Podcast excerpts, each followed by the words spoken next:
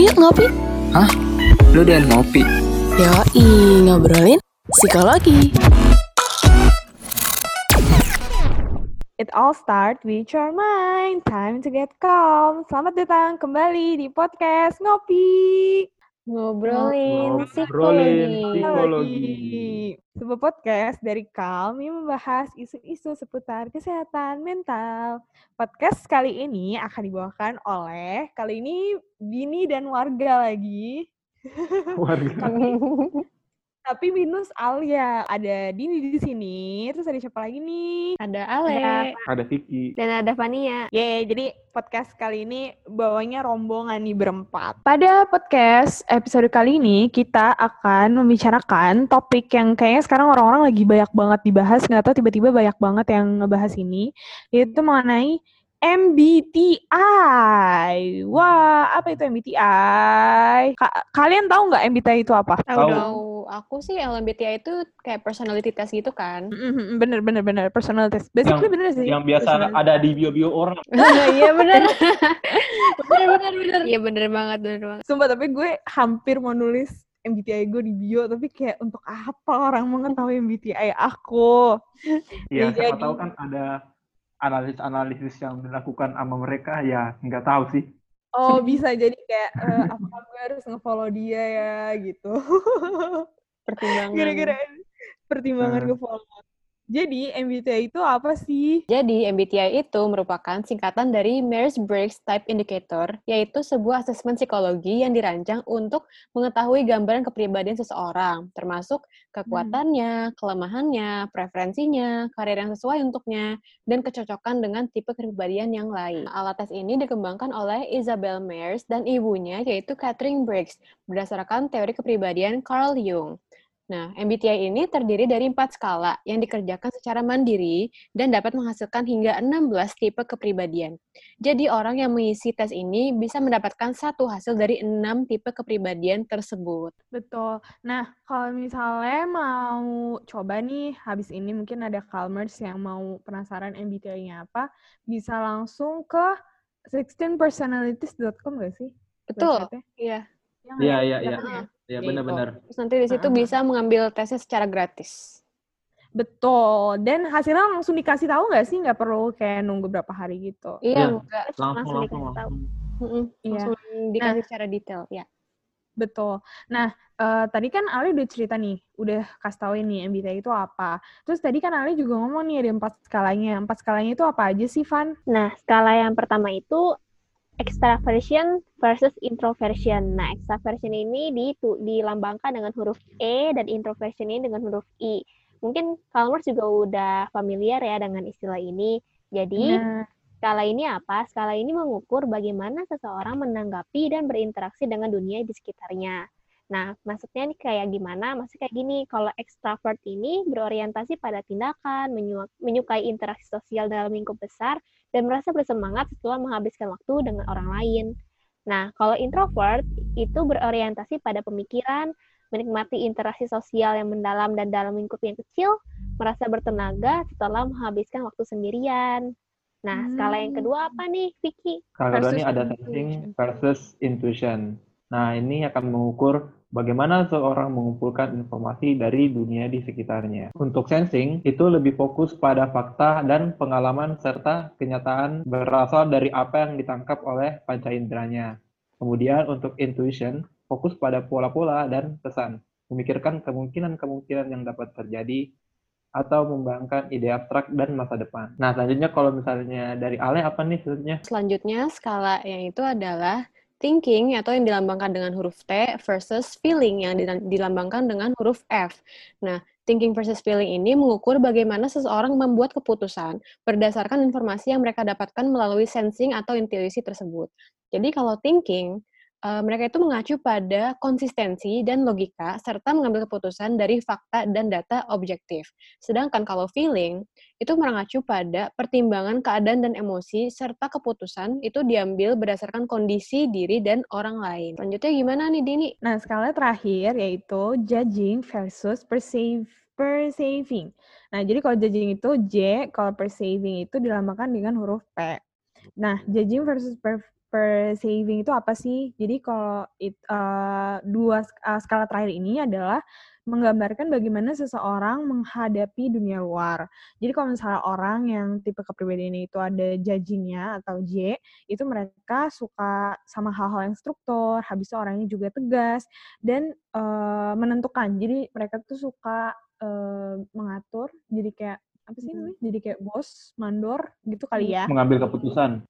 Iya, di- dia dia yang suka menentukan gitu. Hmm. Nah, kalau misalnya tipe orang yang persaving atau eh, lambangnya itu P, mereka tuh orangnya fleksibel, terbuka, adaptif, dan menerima. Jadi mereka tuh lebih lebih suka untuk eh, menerima atau disuruh daripada menyuruh. Gitu. Jadi mereka lebih follower ya daripada leader. Iya, iya benar-benar. Kalau kalau misalnya persaving tuh mereka lebih suka disuruh kayak di diarahin. Kalau misalnya judging tuh mereka lebih suka kayak Yang Iya, sih namanya? mengarahkan. mengarahkan benar sekali. Nah, eh, kan tadi kalian udah ngasih tahu nih di awal, kalian udah pernah tes MBTI kan? Nah, Udah. Nah, boleh tahu nggak MBTI kalian apa? Siapa duluan nih? apa dulu nih. Um, um, um, um, um, um, Ale dulu deh, Ale. Oke, kalau aku, eh, aku itu hasil MBTI-nya ISFJ. Nah, dia tuh oh, Ale SFJ. Mm, Jadi Ale itu introversion, mm, sensing, sensing, eh, feeling, feeling, judging. sama judging. Oke. Terus tahu nggak sih Oh, tokoh? Ya, apa? tahu Ah, nggak sih iya, tokoh tokohnya siapa? Tokohnya. tokoh yang ISFJ siapa aja? Eh, Aduh. Vin Diesel, Oh. Kate Middleton, Selena Oh Gomez, God. kayak siapa lagi ya? Terus siapa lagi? Siapa lagi? Siapa lagi? Siapa lagi? Terus, terus Anne Hathaway. Wow, Elizabeth. kok keren-keren ya.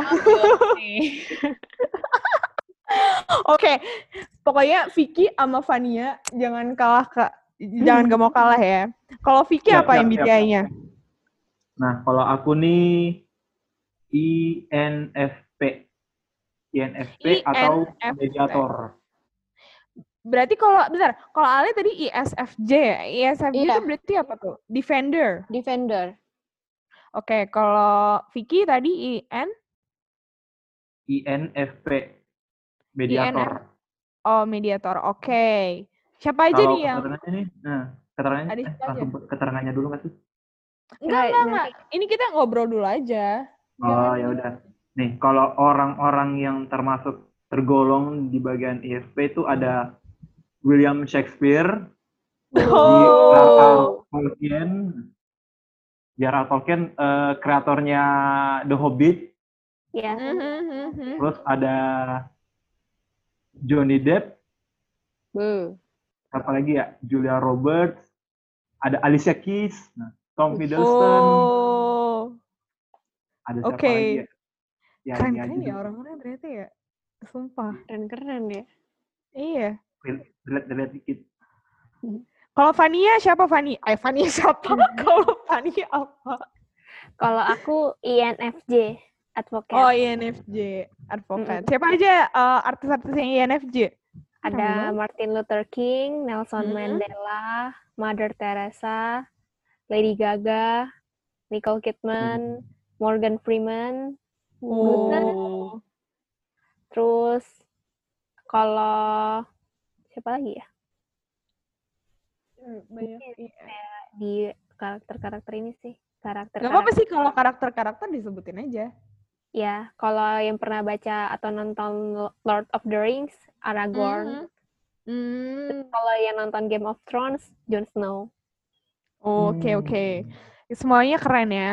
Kalau Bibi Kalau aku ENFP. Jadi kan semua Hmm. introvert, aku doang Extrovert sendiri nih. Mantap.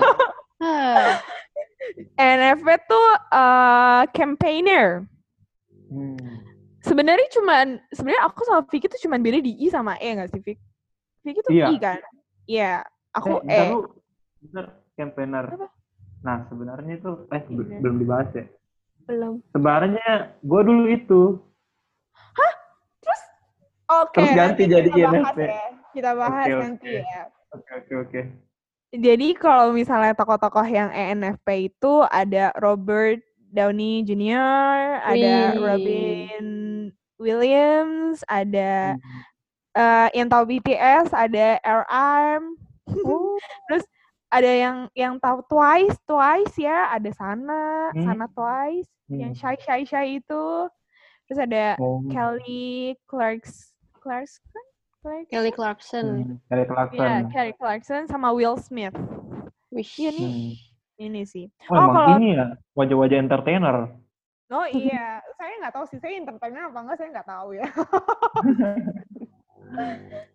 Oke, ini kan tadi kita udah ngomongin nih eh, tipe-tipe MBTI kita masing-masing ya.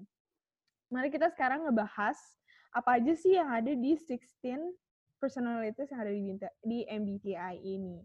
Oke, jadi secara singkat nih ya. Yang pertama, ISTJ atau logistician. Jadi mereka itu biasanya orangnya tertutup, praktis, terencana, taat sama peraturan, dan menjunjung tradisi. Yang kedua, Hmm. ISFJ atau defender. Aku nih, biasanya orangnya peka pada perasaan orang lain. Oh, Iya, iya, iya. Bertanggung jawab. Bertanggung jawab, cenderung kurang ekspresif. Hmm. Nah, ISFJ ini termasuk salah satu kepribadian yang umum dimiliki. Jadi aku pasaran, guys. Nah, yang ketiga, Oke. Enggak dong. eh, yang ketiga ISTP atau virtuoso. Biasanya orangnya mandiri, objektif, dan terpacu pada hasil. Selain itu, mereka juga suka pengalaman baru dan bekerja sesuai ritme pribadinya. Nah, yang keempat ada ISFP atau adventurer. Biasanya orangnya tenang dan santai, terus suka pilihan, jadi Hmm. suka menunda ambil keputusan. Selain itu, mereka lebih banyak kerja pasti dibandingkan mikirin yang nanti-nanti. Jadi mereka eh, more doing, less thinking mungkin. Oh, oke. Terus? Nah, yang kelima nih, ini itu ke- tipe kepribadian aku, yaitu INFJ atau advocate.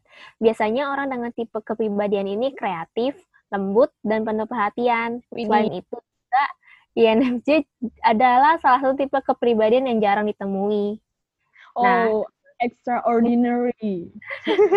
Kembalikan sama aku dong, tadi aku pasang. Kembalikan. Oh, tadi pasar, oh, sekarang eksklusif. Ale. Fun fact, aku lebih sering nemuin FJ pas aku kuliah psikologi.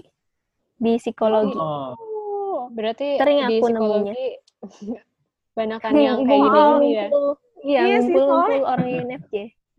Soalnya ini gak sih lembut dan penuh perhatian kan psikolog kan harus penuh perhatian ya nggak sih harus peka juga Jadi tertarik sama psikologi, iya. iya Kayaknya mungkin Iya mungkin sih ya, make sense. ya. make sense kan jadi. Mhm. Terus yang keenam itu ada INTJ atau the architect. Biasanya orang dengan tipe kepribadian ini itu suka kerja sendiri, kreatif, dan logis. Mereka juga suka buat rencana jauh-jauh hari, jadi agar semuanya itu terkendali. Terus Hmm. yang ketujuh itu ada INFP atau mediator. Nah ini tipe kepribadiannya si Vicky. Biasanya orang dengan tipe kepribadian ini adalah orang yang idealis, penyendiri, dan kreatif. Mereka tidak buru-buru mengambil keputusan karena sangat teliti dan pakai perasaan. Oh Bener gak? Kreatifnya sih bener, kreatifnya sih bener. kreatifnya sih bener Kreatifnya sih sih benar. Tapi, tapi tahu nanti buru-burunya eh Oke, lanjut ya. Yang kedelapan Iya. itu ada INTP atau logician. Orang dengan tipe kepribadian ini adalah orang yang nyaman berada dalam kelompok kecil. Mereka juga objektif dan suka berpikir abstrak atau out of the box. Hmm. Oke, terus ada apa lagi nih? Yang ke Nah. sembilan. Kemudian lanjut ke kesembilan ada ESTP atau entrepreneur. Orang dengan tipe keberadaan ini adalah orang yang gercep, pengambil risk taker apa bahasa Indonesia-nya?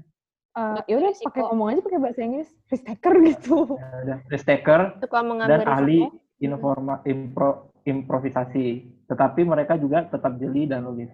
Tipe keberadaan ini juga termasuk salah satu tipe keberadaan paling umum dimiliki. Oh, umum juga berarti sama kayak apa sih Le. tadi? Ale? Jangan jangan takut le. Ada juga yang umum le. Kalau yang extrovert le. Aku tidak itu pasaran ESFJ. sendirian. Oke. Nah. Kemudian lanjut ke ESFP atau entertainer. Orang dengan tipe kepribadian ini merupakan orang yang simpatik, hangat, dan ramah. Kemudian mereka sering disinari spotlight dan mereka nyaman terhadap hal tersebut. Mereka orang yang lebih suka langsung beraksi daripada kebanyakan ngomong atau planning. Mereka juga lebih tertarik kepada tantangan.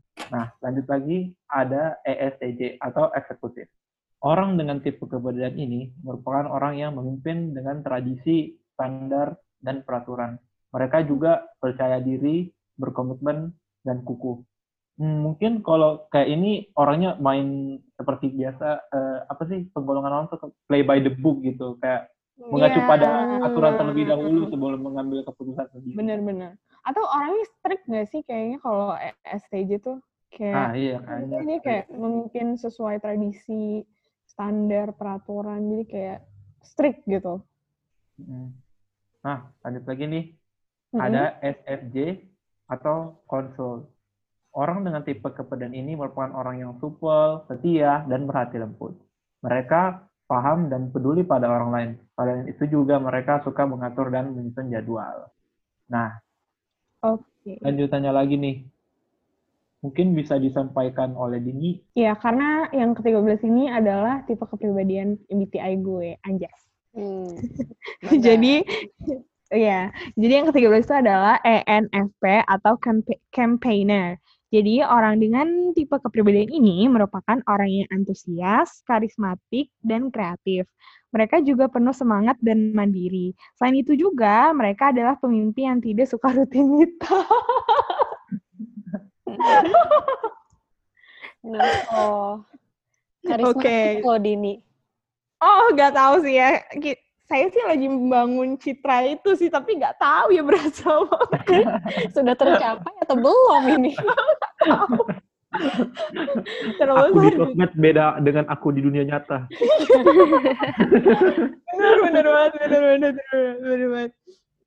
Terus yang ke-14 itu ada ENFJ atau protagonis. Jadi orang dengan tipe kepribadian ini merupakan orang yang people person dan pemimpin. Jadi tuh people person tuh eh, mereka tuh lebih mengutamakan orang lain daripada dirinya dia sendiri gitu jadi kayak dia suka tuh apa sih namanya nge-please orang-orang kayak gitu People pleaser dan- kayaknya ya. Iya iya. Eh, tapi tapi lebih ke people person sih, kayak mungkin suka membantu orang lain, kayak gitu kali ya. Suka involve sama orang lain mungkin ya. Iya, bener kayak gitu. Eh, dan mereka juga mengutama eh, dan mereka dianggap sebagai pribadi yang kuat.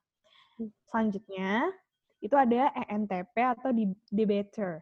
Nah, orang dengan tipe kepribadian ini merupakan orang yang inovatif, pintar, ekspresif, dan visioner. Mereka suka berinteraksi dan berdiskusi. Selain itu juga, mereka memiliki rasa ingin tahu yang tinggi. Nah, tipe kepribadian terakhir itu ada ENTJ atau commander. Jadi orang dengan tipe kepribadian ENTJ ini merupakan orang yang percaya diri, asertif, tegas, dan belak-belakan. Mereka suka memimpin dengan rasio, rencana, dan logika. Mereka juga lebih nyaman menahan ekspresi emosi. Nah, tadi kan kita udah ngomong nih, ya kan? Kita udah nyebutin 16 tipe kepribadian. Terus, kira-kira dari penjelasan di atas, kalau dicocokin sama MBTI kalian tuh sama gak sih? Kayak kalian tuh ngerasa gak sih kayak, gila nih MBTI gue banget gitu. Atau yang kayak, ah enggak, kayak enggak semuanya gue deh. Kayak gitu. Hmm. Aku kayak Dari- gitu tuh, yang nggak semuanya Apa? bener banget. Kenapa kayak Ada gitu? Beberapa- Coba, coba jelaskan. Apa ya? jelaskan. Nih, kalau misalnya melihat dari penjelasannya yang tadi kan, INFP. aku NFP, Mm-mm. eh, INFP. Nah ini kan penjelasannya, biasanya orang dengan tipe keberadaan ini adalah orang yang idealis, penyendiri, dan kreatif.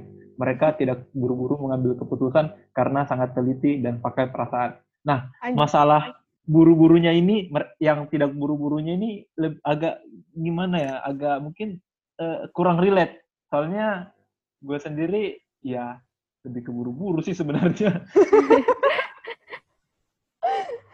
Tapi tapi dari semua tipe kepribadian, eh maksudnya dari yang penjelasan ini kan ada yang idealis, terus ada Hmm. penyendiri, habis itu kreatif, terus pakai Hmm. perasaan, terus teliti. Lu iya nggak kayak gitu? Atau enggak? Atau ya cuman yang bagian ini doang gue gitu? Gue semuanya sih relate, tapi yang Oh, mereka tidak buru-burunya aja yang tidak uh, uh, Kalau misalnya Ale, Kalau aku Aku merasa sih aku peka sama perasaan orang lain. Wow. Selain itu, apa ya, tapi selain itu aku merasa biasa aja sih. Kayak bagian yang bertanggung jawab kayak aku nggak yang apa namanya? Ya mungkin ya sih. jawab banget kayak gitu. enggak yang kayak banget ngambil tanggung jawab semuanya itu enggak. Terus aku juga kalau eh, dibilang cenderung kurang ekspresif juga aku kayaknya enggak gitu deh. Maksudnya eh, mungkin bagi eh, kalau ke beberapa orang iya aku nggak terlalu ekspresif, tapi mungkin ke Hmm. orang lain mungkin aku bakal lebih ekspresif banget yang sampai kayak ya aneh lah. Jadi emang kayaknya emang Oh. semuanya benar juga sih, tapi overall aku merasa ya mungkin hmm, tujuh 60% 70% aku deh. Hmm, hmm, hmm. Jadi kayak ada waktu-waktu di mana iya nih gue banget, tapi ada waktu Hmm. di mana enggak ah, enggak Iya, juga gitu sih? Heeh, Jadi nggak selalu Hmm. kayaknya ya. Tapi ini Iya sih, gambaran kayaknya. yang agak umum aja mungkin. Iya, mungkin gitu kali ya. Kalau Hmm. Fania? Fania apa sih tadi? Aku lupa deh. Aku Iya. INFJ. Ya, iya INFJ. heeh. Kalau aku kayak gimana ya? Kan aku ini udah ngambilnya juga beberapa tahun yang lalu dapatnya ini. Sebelumnya bukan INFJ, sebelumnya aku tuh dapatnya INTJ. Terus nggak tahu kenapa aku jadi INFJ.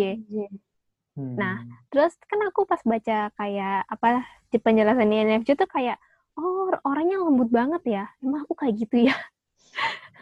kan kayak mikir-mikir lagi gitu kayak emang iya ya aku selembut ini. Enggak gitu juga sih aku malah dulu aku lebih ngerasa relatable pas aku INTJ sih. Nah, tapi kalau aku bandingin yang sama sekarang kayak oh iya ya Hmm? lebih relatable tapi nggak full aku kayak INFJ full sih ya 80 persenan lah Soalnya ini ada sih, maksudnya INFJ sama INTJ itu kan cuma beda di F sama T-nya doang kan. Hmm. Terus kayak beberapa sifatnya mereka tuh rada mirip gitu, sama-sama kreatif. Berarti, eh bentar, berarti Fania terakhir ngecek MBTI itu kapan? oh aku kan ambil ini kayaknya pas SMP pernah aku dapat INTJ Oh. berarti sekitar berapa itu enam tahun lalu ya tapi pas Hmm. aku SMA aku ngambil lagi aku INFJ terus konsisten sampai sekarang aku INFJ INFJ, oke. Ah, ah. Lebih makin konsisten sih ke sininya Mm-mm. Kalau aku ENFP tuh aku tuh lupa. Kayaknya aku tuh waktu maba pernah ngetik eh, quiz ini juga eh tes ini. Tapi tuh lupa hasilnya tapi kayaknya sih E depannya. Cuman belakangnya lupa. Terus tahun lalu tuh ngambil masih tetap ENFP nah terus terakhir banget aku ngisi. Jadi kan ini tesnya itu btw ada yang versi Indonesia sama Inggris kan Hmm. Ya kan, pertanyaannya ada yang versi Indonesia, ada yang versi Inggris. Nah, waktu aku nyoba yang versi Inggris, itu hasilnya ENFJ. Terus aku kayak kaget kan, hah ENFJ? Masa sih gue ENFJ gitu kan?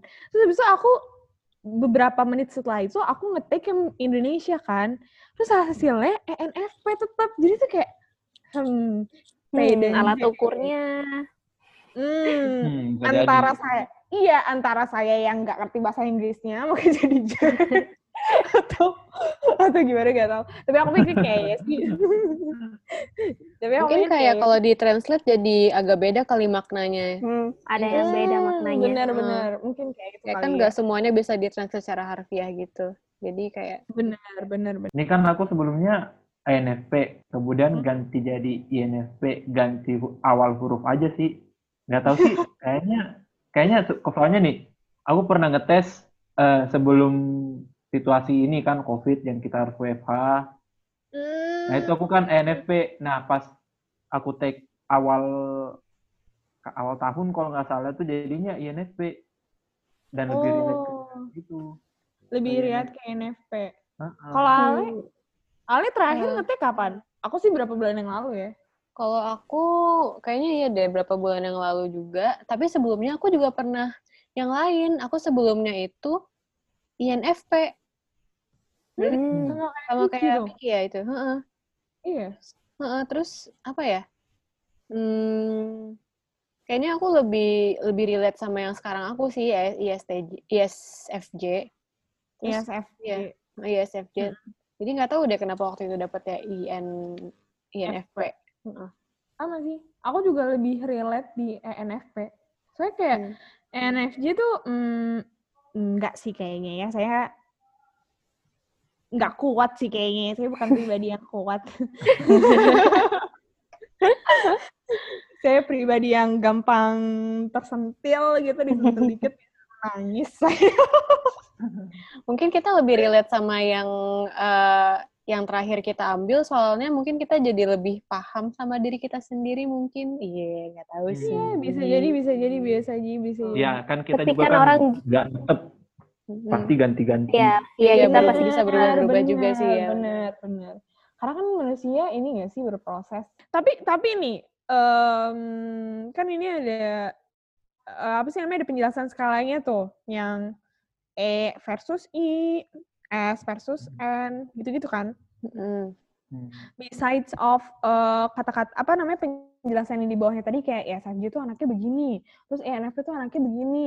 Habis itu kalau misalnya eh INFJ tuh anaknya kayak begini, gitu kan ini kan ada penjelasan yang per skala tuh, ya kan? Hmm. Kalian tuh Hmm. berasa sih, kalian merasa nggak sih kayak, eh, iya nih gue kayaknya lebih pakai intuisi daripada gue pakai sensing kayak gitu.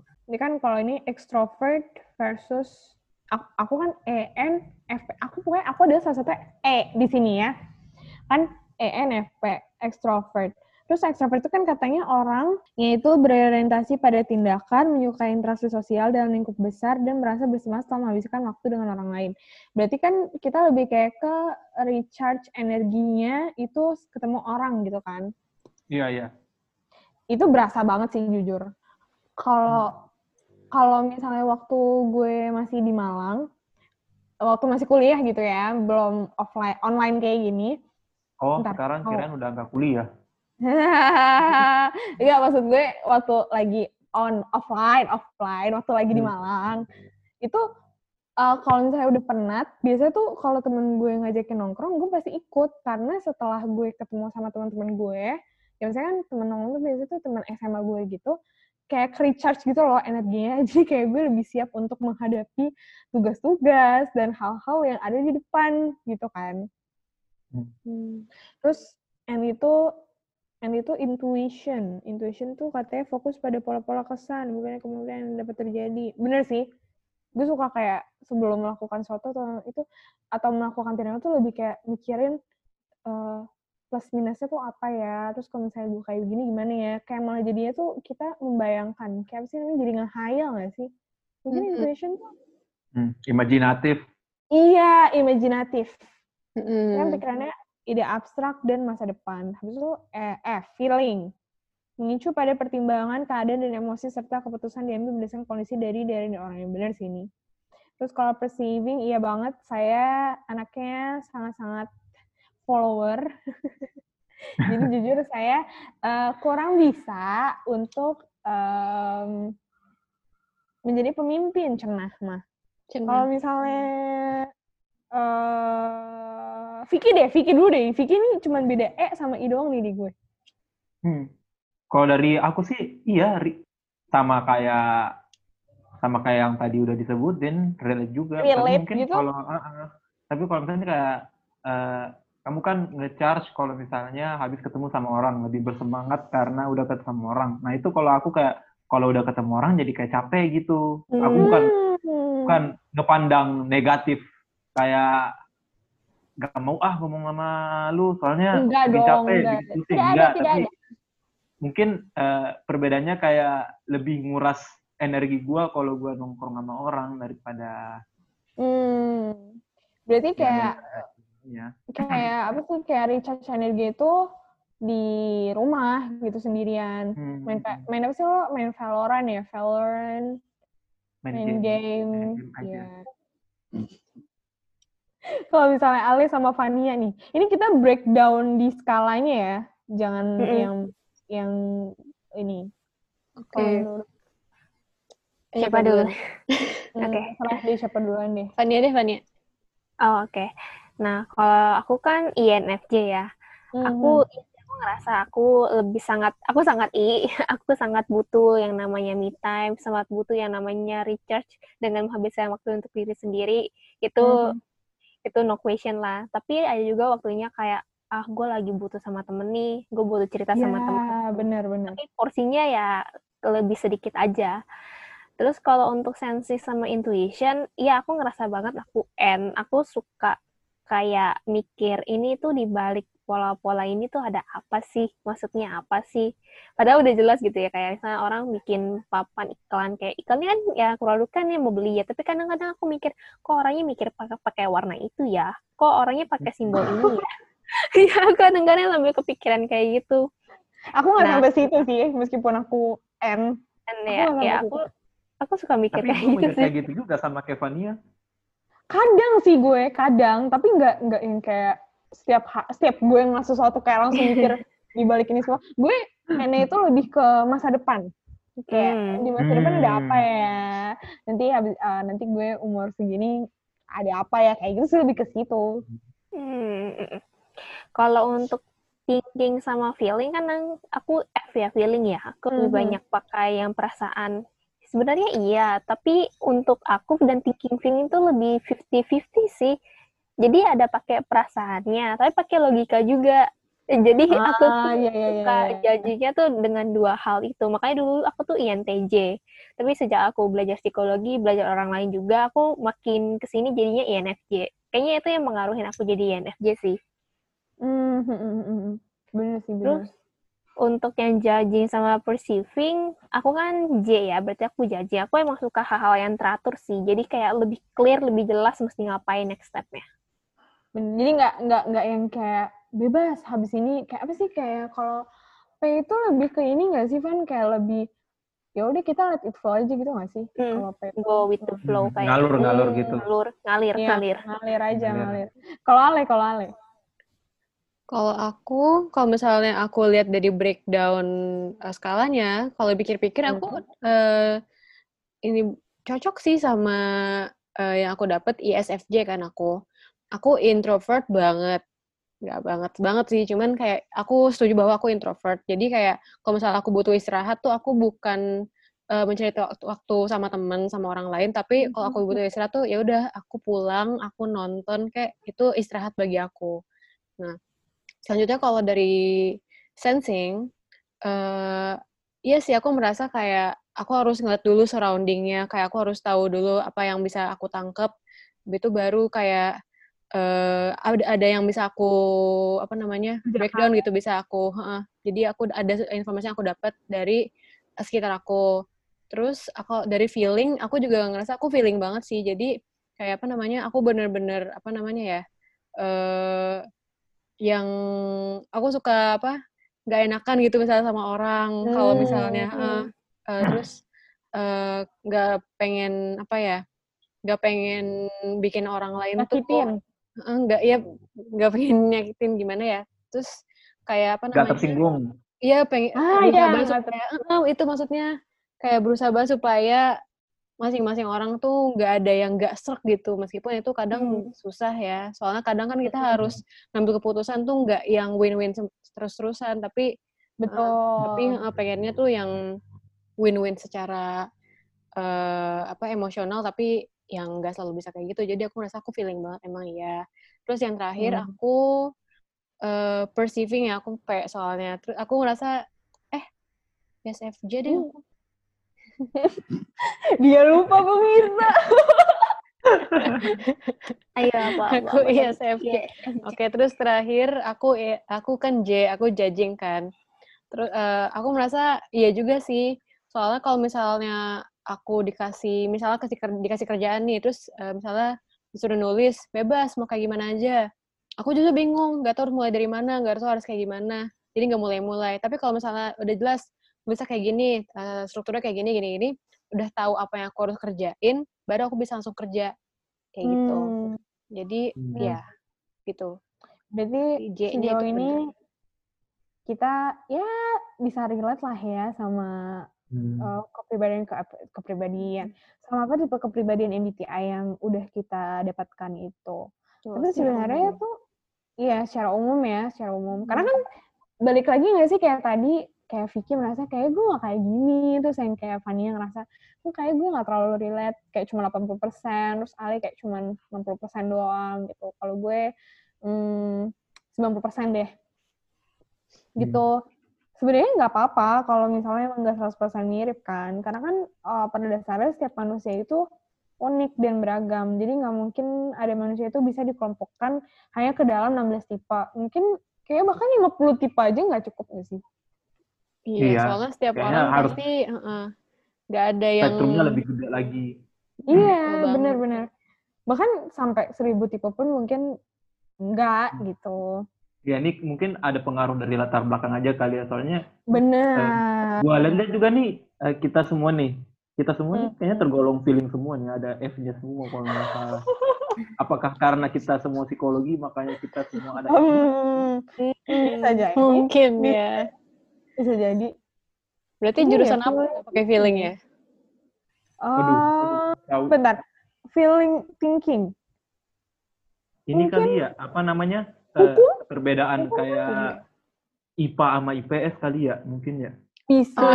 bisa, bisa, STEM bisa. kali ya. Kenapa? Yang STEM, STEM itu tuh science, Science. teknologi, engineer. Iya, bisa, Hmm. bisa. kita termasuk STEM gak sih? Perasaan aku pernah baca masa psikologi masuk STEM, soalnya science. Kayak itu Psikologi itu tergantung masih dokteran tau sebenarnya. sih? Oh iya iya. Soalnya kita juga penelitian, ada ada ada, Iya. apa, ada psikometri, ada Heeh. Iya, Ada iya, tentang Iya, iya, iya. ada ini apa neurologi gitu-gitu. Iya. Ya nggak tahu lah. Ya, Nggak kita tahu lah. psikologi terlalu broad. ya seperti inilah. I don't know. Ah, nasib Nggak pasti gitu. bener sih, bener. Iya sih. Iya ya, setelah diperhatiin iya F, F semua ya. Hmm. Gue baru nyadar lagi kayak, oh iya. Tadi juga nih kita banyak ada banyak ini juga nggak sih intuition? Kita sama intuition semua nggak sih? Atau ada sensing juga Ale tadi? enggak deh tadi Ale sensing kan? Aku sensing tadi. Iya, Oh, sensing. berarti cuman F, F doang yang kita semua sama. Iya F, F feeling semua. Hmm, menarik nih. Psiko, anak psiko. Skripsi. Iya. Oh btw, kalau misalnya Kalmas mungkin belum ada yang tahu, semua kan kita semua intern nih ya di Kalm. Dan kita semua tuh anak psikologi, bener-bener gak ada yang dari non psikologi gak sih internnya? Iya, Hmm. emang jadi- yang boleh cuman psikologi gak sih? Oh, I Iya don't sih. know. Tapi Iya. setahu aku, Harusnya sih itu dari apa? Dari tawarannya harus psikologi, tapi ya kita Hmm. juga apply sebelum tawarannya keluar, jadi ya begitulah. Iya kan, jadi kebetulan aja mungkin. Tapi mungkin bisa kok ada anak psikologi yang nggak F feeling, mungkin sensing. Malah bahkan menurut menurut menurut gue, kalau dia itu anaknya thinking kan dia logika banget ya. Jadi dia Hmm, malah bakal jadi. Apa kayak nge-handle kliennya nanti kalau misalnya dia jadi psikolog tuh jadi sangat-sangat logika nggak sih? Bisa sih, Tapi tetap tapi empati gitu. Oh iya sih Hmm. empatinya susah sih ya. tapi empatinya Enggak sih. susah soalnya jadi kayak eh, mungkin jadi nggak terlalu bisa relate gitu sama si Iya. klien Bisa jadi. itu. Heeh, Bener sih, bener sih. kan. Bener sih. Hmm. Berarti kalau thinking tuh lebih ke apa ya?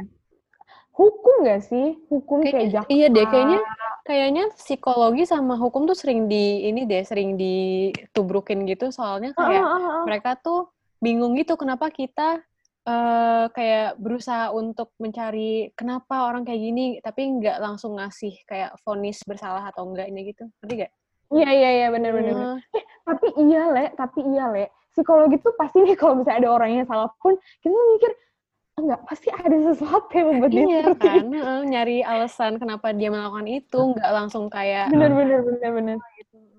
waktu itu malah eh, kalau nggak salah di Hmm. FH sama Psiko UI itu eh, anak FH tuh disuruh nanya ke anak Psiko eh, suruh kerjasama dalam satu tugasnya anak FH jadi kayak mereka dikasih kasus terus eh, si anak FH itu harus nanya ke anak Psiko ini menurut lo gimana? Dan biasanya anak Psiko tuh bakal bilang si orang ini nggak bersalah Maksudnya ada at, Oh, at iya? ada alasan kenapa si orang ini Dia bisa itu begitu. Heeh, sedangkan bagi anak FH itu orang itu bersalah. Jadi kayak ditubrukin gitu kita. Bener-bener. Karena gini, pasti anaknya gini, eh, dia bersalah karena sesuai dengan pasal segini, segini, segini. Iya, gitu iya, kan. iya. Ya Tapi kan? kan kalau kita kalau kita menilai kan, ya siapa tahu dari apa mungkin ada latar belakang yang kita Iya, nggak tahu. Iya, bener, Makanya kita bisa langsung dia salah salah. bener, bener. mm. Atau, Jadi kalau nggak salah, oh iya gimana? Eh, atau se ini se apa namanya kayak sekasar kasarnya kalaupun dia bersalah tuh pasti dia, kita bilang gini eh, tapi dia bersalah cuman sebenarnya eh enggak sih balik lagi nggak jadi. Pokoknya selalu ada Tidak tapinya gitu ya. bener. Oke kita lanjut kita selesai ini dulu ya guys. Tadi sampai mana ya saya oh ini oke. Mas. nah jadi ini makanya ini closing dulu nih siapa mau lanjutin Tiap tipe kepribadian ini pasti punya kelebihan dan kekurangan masing-masing. Jadi nggak ada tuh yang namanya tipe ini yang paling bagus atau ini tipe yang paling jelek. Jadi semua orang, Betul. semua tipe tuh ada kekuatan dan kelemahannya juga. Betul Hmm. sekali. Jadi nggak nggak perlu berkecil hati ya guys. Kalau misalnya kayak "Eh, berarti MBTI gue yang paling pasaran dong, atau yang kayak berarti Hmm. MBT MBTI gue yang paling dikit, gue paling eksklusif satu dunia. Enggak guys. Nggak ada yang paling bagus, nggak ada yang paling jelek. Semuanya sama. Karena setiap orang pasti punya keunikan masing-masing. Betul itu. Udah tahu kan mengenai MBTI itu apa? Kita udah bahas mengenai tipe-tipe kepribadiannya juga. Terus juga ini kan sama siapa aja yang tadi kita bahas beberapa tokoh-tokoh atau artis-artis juga yang uh, MBTI-nya sama sama kita berempat. Hmm. Terus kita juga udah breakdown ini tuh sebenarnya eh, cocok gak sih sama kita eh, tipe-tipenya Bener banget. atau eh, emang sebenarnya ada yang ada bagian-bagian yang gak cocok sama kita tapi secara umum sih tadi kita cocok-cocok aja sih ya. Mm-mm, Hmm. Yes, benar. Nah, buat kalian yang ingin menggunakan layanan konseling online dari Calm, kamu bisa langsung search aja KALM di App Store ataupun Play Store yang logonya warna putih. Jadi, di aplikasi tersebut, kamu akan dihubungkan dengan psikolog profesional dan dapat berkonsultasi langsung melalui handphone kamu. Karena ini cocok banget nih dipakai, digunakan karena sekarang lagi pandemi, ya kan? kayak kasus COVID juga lagi naik di, di Jakarta. Jadi kalian bisa nih kalau misalnya kalian kepepet pengen konseling, bisa pakai aja aplikasi Calm. Nah, jangan lupa juga untuk Nah, jangan lupa juga untuk cek sosial media kita di Instagram at get.calm, get.kalm untuk melihat konten-konten terkait kesehatan mental. Selain itu, Calm juga ada di Twitter loh, dengan username at get underscore calm, get underscore kalm. Dan yang terakhir, jangan lupa untuk stay tune mendengarkan podcast kita melalui Spotify, Anchor, maupun Apple Podcast. Buat kalian yang pengen curhat tapi nggak tahu ke mana, bisa submit ke bit.ly slash kita perlu cerita. Terima kasih sudah mendengarkan podcast Ngopi episode kali ini. Sampai jumpa di episode berikutnya. Kayaknya adalah episode terakhir bersama kita. Ya. Ah, kurang waktu udah selesai. Jadi kurang lebihnya mohon maaf Calmers yang sudah stay tune 10 episode nggak sih kayaknya kira-kira ya 10 episode bersama Ya, hmm, Kita. kurang lebih satu satu season lah, satu season ya bersama. satu season lah ya. satu season lah namanya. Bener. Keren banget namanya bersama season. kita. Jadi kita pamit undur diri ya guys. Habis ini kalian akan mendengarkan suara lain selain kita. Sedih banget. Ya, Iya, mungkin bisa lebih seru lagi daripada kita. Bener-bener semoga lebih seru dan pokoknya tetap terus pantengin podcast Calm dan jangan lupa untuk review di Apple Podcast. Jangan lupa bintangnya 5. Dadah Calmers. Bye Calmers. Bye, Bye, Calmers. Ngopi enak ya. Iya dong, namanya juga ngobrolin psikologi. Ketagihan ngopi lagi, makanya pantengin sosial medianya di @get.calm biar kamu nggak ketinggalan